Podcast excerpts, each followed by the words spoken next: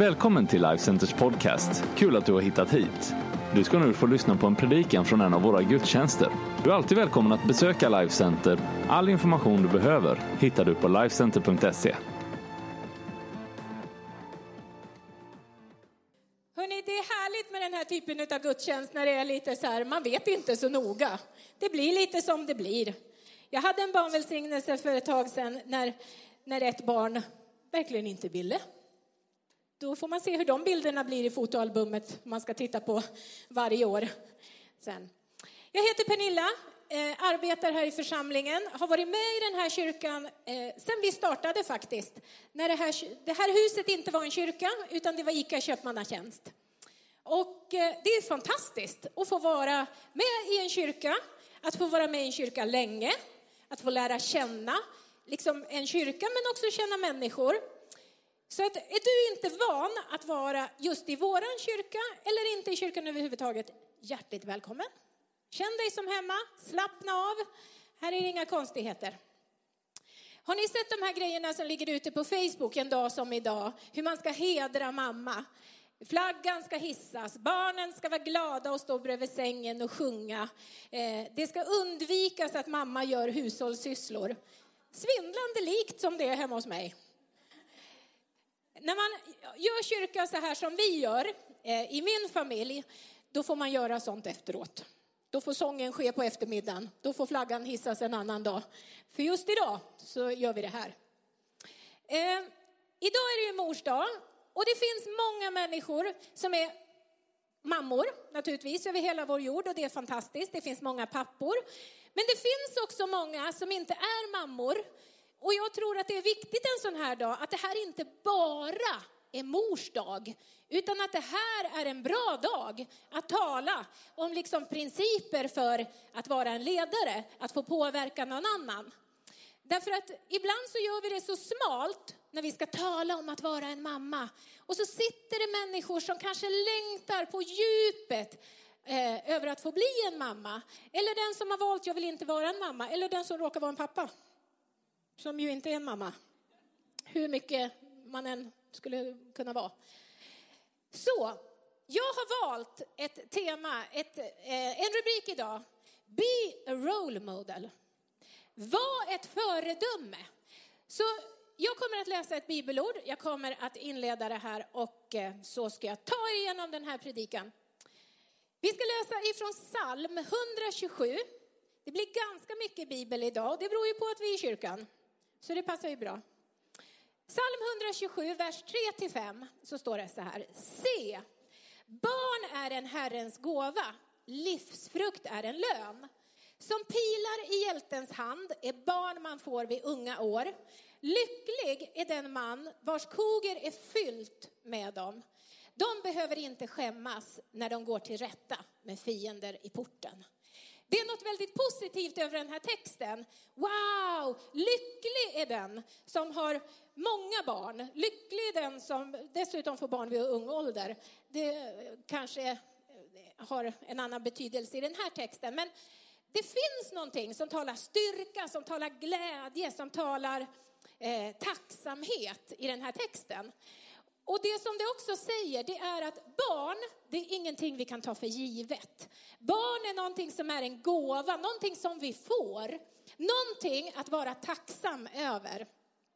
Och när jag läser den här texten så tänker jag så här, tänk om vi kunde se varje människa som kommer i våran väg som gåvor ifrån Gud. Här handlar det om barn, livsfrukt, mina egna biologiska barn, först och främst.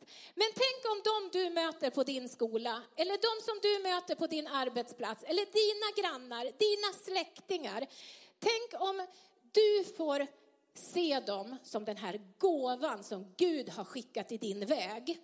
Det är inte bara en slump att ni är på samma arbetsplats eller att ni bor i samma trappuppgång eller att ni går i samma klass, utan det finns någonting som Gud har tänkt. Och Gud vet vad du klarar av och Gud vet att du och jag, vi behöver få vara till nytta för andra. Det hänger liksom ihop med vilka han har skapat oss till. Att vi inte matar i oss själva och vi får massa saker och så, så sväller vi på bredden och så blir vi lite mätta. Eh, utan vi är kallade att betyda något för någon annan. Och det här har ingenting med ålder att göra.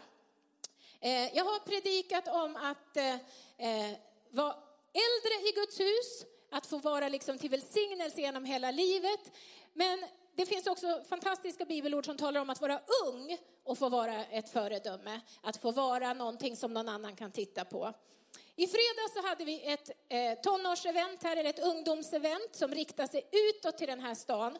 Då har vi tonåringar i den här klassen, jag vet, eller i den här klassen, i den här skolan, eller i den här kyrkan.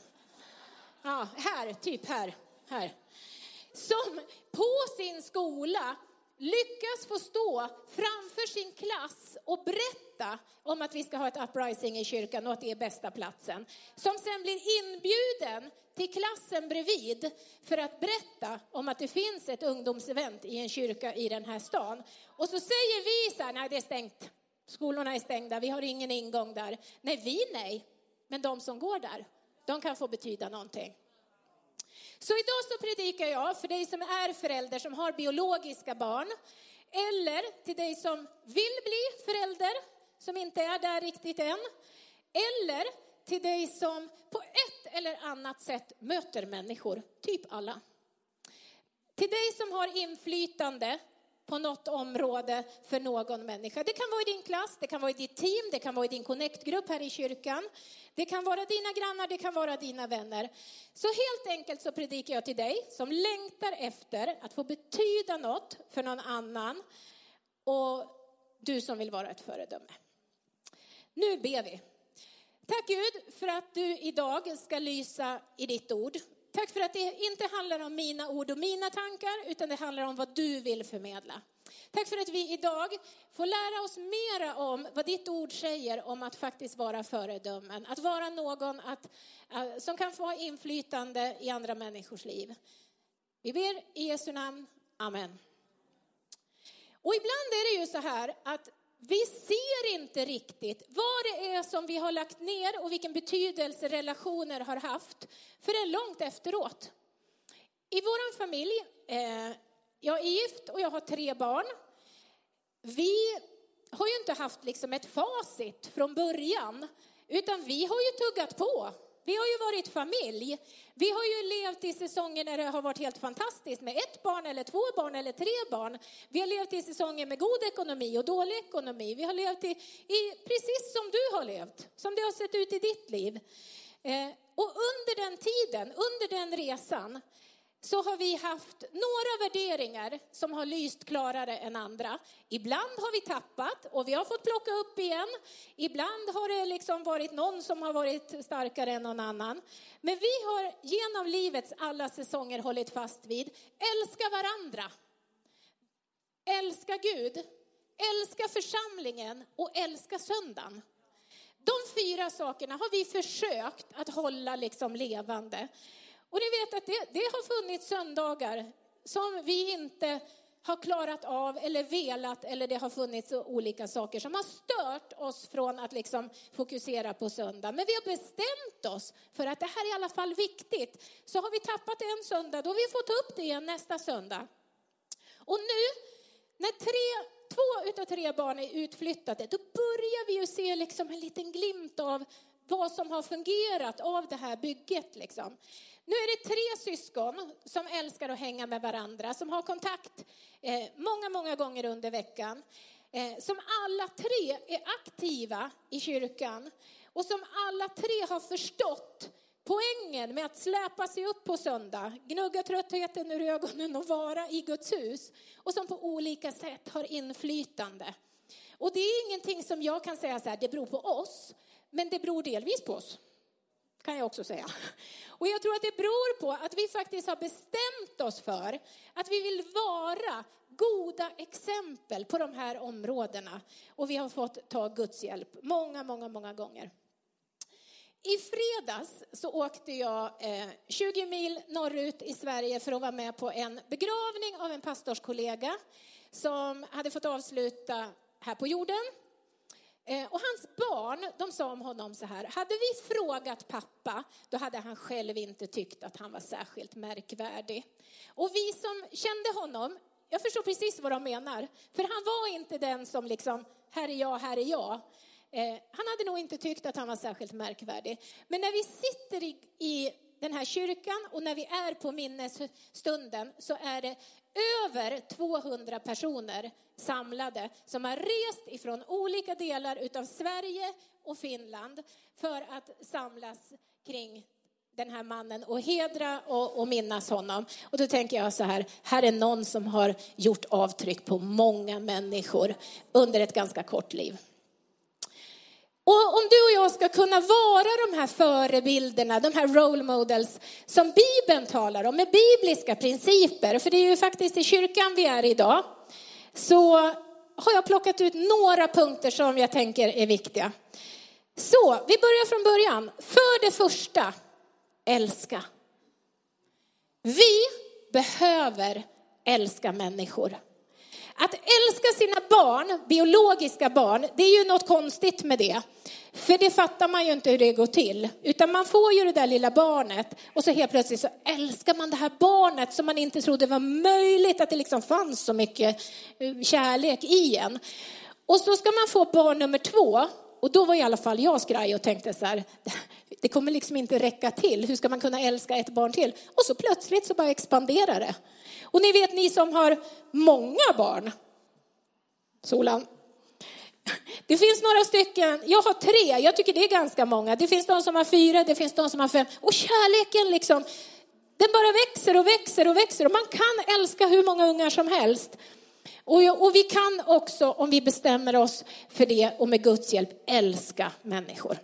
I Titus, som är en liten, liten bok i Nya Testamentet, i kapitel 2 och vers 4, Eh, kapitel 2 är skrivet till olika grupper i församlingen, till de äldre männen, till de äldre kvinnorna. Och så kommer det här, om de äldre kvinnorna så står det lite saker. Och så blir det så här, så att de fostrar de unga kvinnorna till att älska man och barn.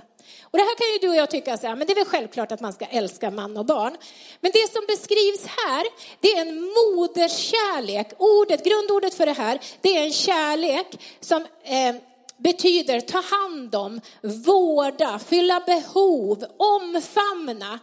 Det som vi kanske liksom skulle säga, ja men det är så en mamma är. Men tänk om vi kunde få vara de människorna med den typen av djup kärlek för andra människor i andra relationer. Att jag i min lilla, lilla connect-grupp får vara en människa med en öppen famn. Att jag i mitt sammanhang får vara en människa som kan se och fylla behov. Och det kan ju vara liksom i din klass. Helt plötsligt så ser man att det finns någon. Jag älskar den här reklamen med den här lilla pojken som sitter i sitt klassrum när de öppnar sin matlåda och hans matlåda är tom. Och han räcker upp handen, han ber att få gå på toaletten. Eh, och när han kommer tillbaka så har hans klass liksom uppfattat att hans matlåda är tom och de har fyllt den med lite av sina grejer. Jag älskar sånt. Vi kan fylla behov. Eh, vi kan vara en medmänniska med en kärlek till andra människor. Och ni vet att det står så här i första Johannes 4 och 19. Vi älskar därför att han först har älskat oss.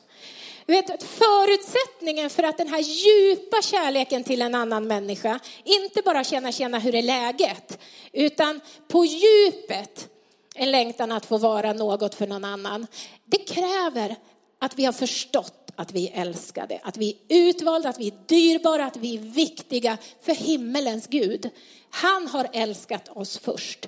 Fast vi inte förtjänade att bli älskade, fast vi inte var de perfekta barnen, så älskade han oss först och vi får älska andra. För det andra, engagera dig. För det första, älska, det är grunden. För det andra, engagera dig. I Efesierbrevet 6 och 4 så står det så här, och ni fäder, mödrar kanske, reta inte upp era barn utan fostra och förmana dem i Gud. Fostra och förmana. Jag tror väldigt mycket på att vara närvarande i andra människors liv. Att eh, fånga tillfället när det dyker upp. Att bearbeta livet tillsammans när det liksom händer. För livet händer hela tiden. Att ställa frågor till människor runt omkring. Hur ser ditt liv ut? Vad händer i ditt liv? Vad är det som, var är du någonstans liksom i din process? Och du vet om du leder människor, om du har människor i din närhet, i din klass, eh, ditt grannskap. Om du kliver in i en människas liv och ber att få vara med lite på deras planhalva, ber att få hänga med dem på det som de tycker är viktigt, då blir du en viktig människa för dem. Men om vi sitter i våra kyrkor eller i våra små grupper och tänker så här, snart så kommer de, så kan det ta mycket längre tid. Men du och jag, vi kan engagera oss i människor. Precis som vi ska engagera oss i våra barn. Ni vet att jag tror att vi är många, många föräldrar som har suttit på alla möjliga aktiviteter och känt så här, vad gör jag, vad gör jag här? Vi har suttit på danstävlingar. Vi har suttit på hårda betongläktare och vi har engagerat oss i det som har varit viktigt för våra ungar precis då. Eh, men framför allt så handlar det om att, att vara engagerad i mitt barn och vad som händer i mitt barns liv. Och ni vet, ni som har tonåringar, att ett barn, eh, ja, det kan ju vara yngre barn också, när de har någonting de vill tala om, då är det nu. Då är det inte när jag har liksom tänkt att vid den här tiden passar det bra att vi pratar om det. Utan det kan ju vara när man faktiskt har släckt lampan på kvällen. Då helt plötsligt så ska det talas. Eller det bara dyker upp, det är nu som tillfället är. Och jag måste liksom vara lite lyhörd och ta det tillfället. För det kanske inte kommer tillbaka. Så var intresserad av människor. Om du vill vara ett föredöme för någon annan, så var intresserad. Var nyfiken, var lyhörd. Eh, och försök liksom ha span på vad är det som händer i människors liv. För det är ju faktiskt då inte en skola, det är ju inte en bokad tid, nu ska vi tala om livet. Och lite grann är det så kanske när vi möts i Connect-gruppen, vi vet att vi möts varannan vecka och då ska vi prata om det. Absolut, men däremellan så kan du och jag vara intresserade och engagera oss i människor som är oss givna. När min äldsta dotter då skulle gifta sig, då hamnade jag lite i det här så här, har jag lärt henne allt hon måste kunna? Eh, fast vi hade levt ett långt liv tillsammans och jag tänker att vi gjorde livet hela tiden. Men då helt plötsligt blev det så här, vi måste ses i soffan. Vi måste ha skola, jag ska berätta de här sista pusselbitarna för dig. Och jag ska säga till dig, det var jättekonstigt. Det är inget jag rekommenderar. Det blev bara eh, styltigt så.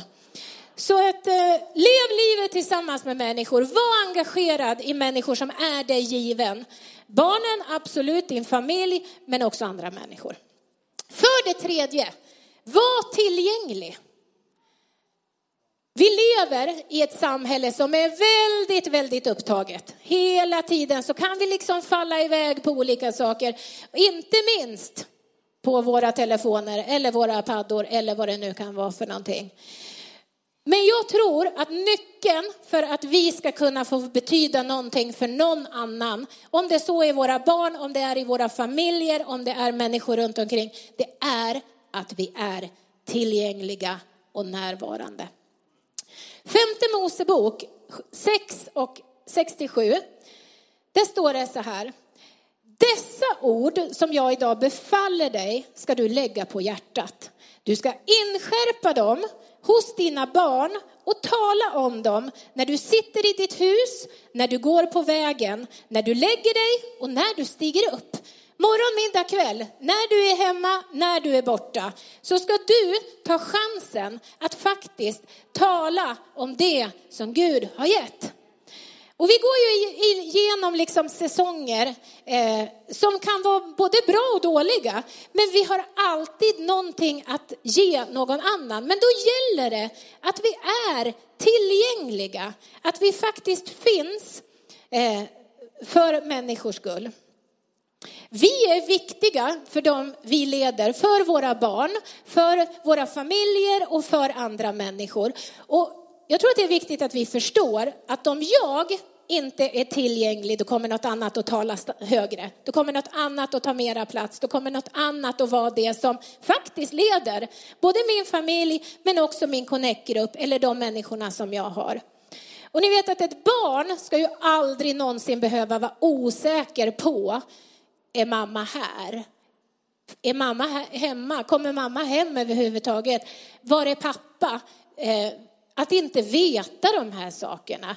Eller, eller de här gångerna när man ska göra någonting tillsammans och en förälder är sen. Kommer du? Ja, oh, förlåt, jag är sen. Det var inte meningen. Ett barn ska aldrig behöva känna det. Och de människor vi leder, de ska inte heller behöva känna det. De människorna som Gud har gett oss, de människorna som jag tror att jag ska kunna vara ett föredöme för, som jag ska kunna leda och påverka och ha inflytande, de ska aldrig behöva fundera, kan jag ringa till Pernilla? Kan jag, Eh, kan jag komma? Kan jag få fråga? Utan de ska bara veta, jag är där, jag finns där för dem. Och jag tror att det här är, är viktigt för oss därför att vi lever i ett samhälle så här varannan vecka eller någon gång på torsdagar eller vad det nu kan vara. Va? Men att faktiskt kunna säga så här, jag finns här. Hör av dig när du behöver mig. Hör av dig, jag lovar att svara så fort jag kan. Det var som Liselott, hon skulle åka på natten. Jag skulle inte ens svara på natten för då sov jag. jag skojar med dig. Men eh, eh, vi kan inte bara göra små gästspel i människors liv om vi ska ha ett inflytande. Vi kommer in liksom på ett bananskal när det är akutläge. Då kliver vi in och då har vi minsann någonting vi ska säga. Utan vi behöver finnas nära människor. Och då ska jag säga en sak. Det tar tid. Det kostar tid. Eh, Unga vuxna i den här församlingen, heder åt er, träffas varje vecka för att dela Guds ord och prata om vad det faktiskt är att ha en relation med Jesus. Inte så sällan vi kan, utan så ofta vi kan. Inte eh, så lite vi kan, utan så mycket vi kan. Och Jesus han hade tolv stycken riktigt nära. Han hade några ännu närmare, men han hade liksom, och sen så utökades den här skaran. Och vet du, jag tänker så här, om vi klarar av att leda våra barn, biologiska barn och några till, då räcker det. Vi behöver inte liksom ta oss vatten över huvudet och vi ska finnas för alla hela tiden. För om du tar några och du tar några och du tar några och jag tar några, då finns det människor för människor. Därför att det är bättre att vi inte tar i så vi spricker, för att det kräver uthållighet och det kräver trofasthet. Det här handlar om ett förtroende att vi finns där vi har sagt att vi finns. Ebba är ju fortfarande min dotter och jag är fortfarande hennes mamma. Fastän hon är gift, fastän hon har egna barn, så behöver ju hon mig ibland. Det blir ju mer och mer sällan och det blir annorlunda. Hon behöver mig när hon ska baka lussebullar. Det är så här fint uppdrag som nu finns. Eh, så det kräver uthållighet. Hon behöver fortfarande veta att jag är tillgänglig för henne. För det fjärde, lär ut. Man skulle kunna skriva utbilda, men jag tyckte det lät så stolpigt. Det kunde rektorerna här inne ha tyckt varit fint, men jag skriver lär ut. Psalm 78, vers 5.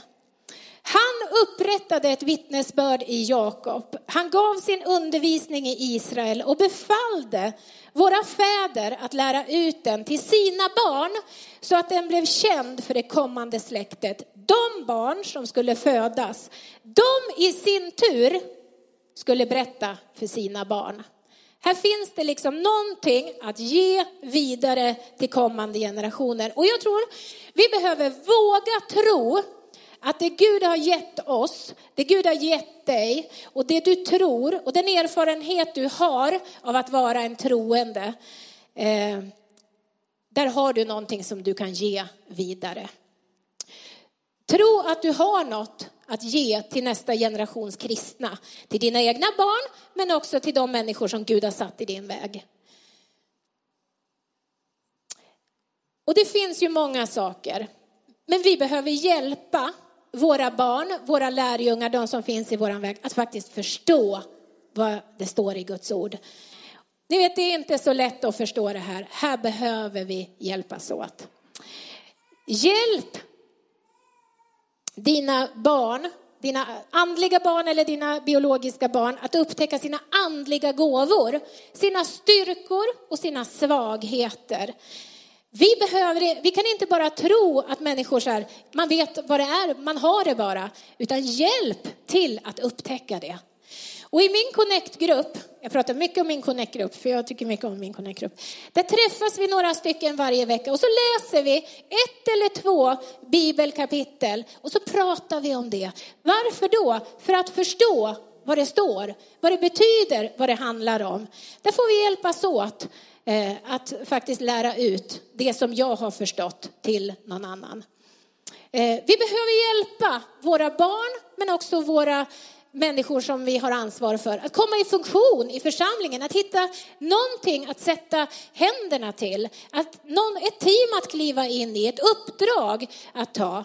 Att man inte är ett barn i all oändlighet, utan så småningom så är man vuxen, man flyttar hemifrån, man får ta eget ansvar, man får rösta i EU-valet, man får köra bil, man får göra massa saker. Och likadant i församlingen, vi kan inte ha nya människor som aldrig får växa. Utan du och jag som har ansvar för människors tillväxt. Vi behöver förstå att människor behöver hitta ett sammanhang att koppla till, ett team att kliva in i. Förstå Guds ord, förstå vad som är de absoluta styrkorna och svagheterna att hålla koll på. Eh, och det här gör vi ju tillsammans. Hjälp till att skapa goda vanor av att komma till kyrkan på söndag. Hjälp till att skapa goda vanor av att läsa Bibeln. Goda vanor av att be, goda vanor att vara eh, en lärjunge. För det femte, fostra. Och det här är ju ett tråkigt ord. Och nu tog jag inte bibelorden där det står att eh, använd riset. Jag valde bort dem. Men det står faktiskt i Guds ord, så står det så här i Ordspråksboken 29 och 17. Fostra din son, eller din dotter då, så han ger dig ro och ljuvlig lycka åt din själ.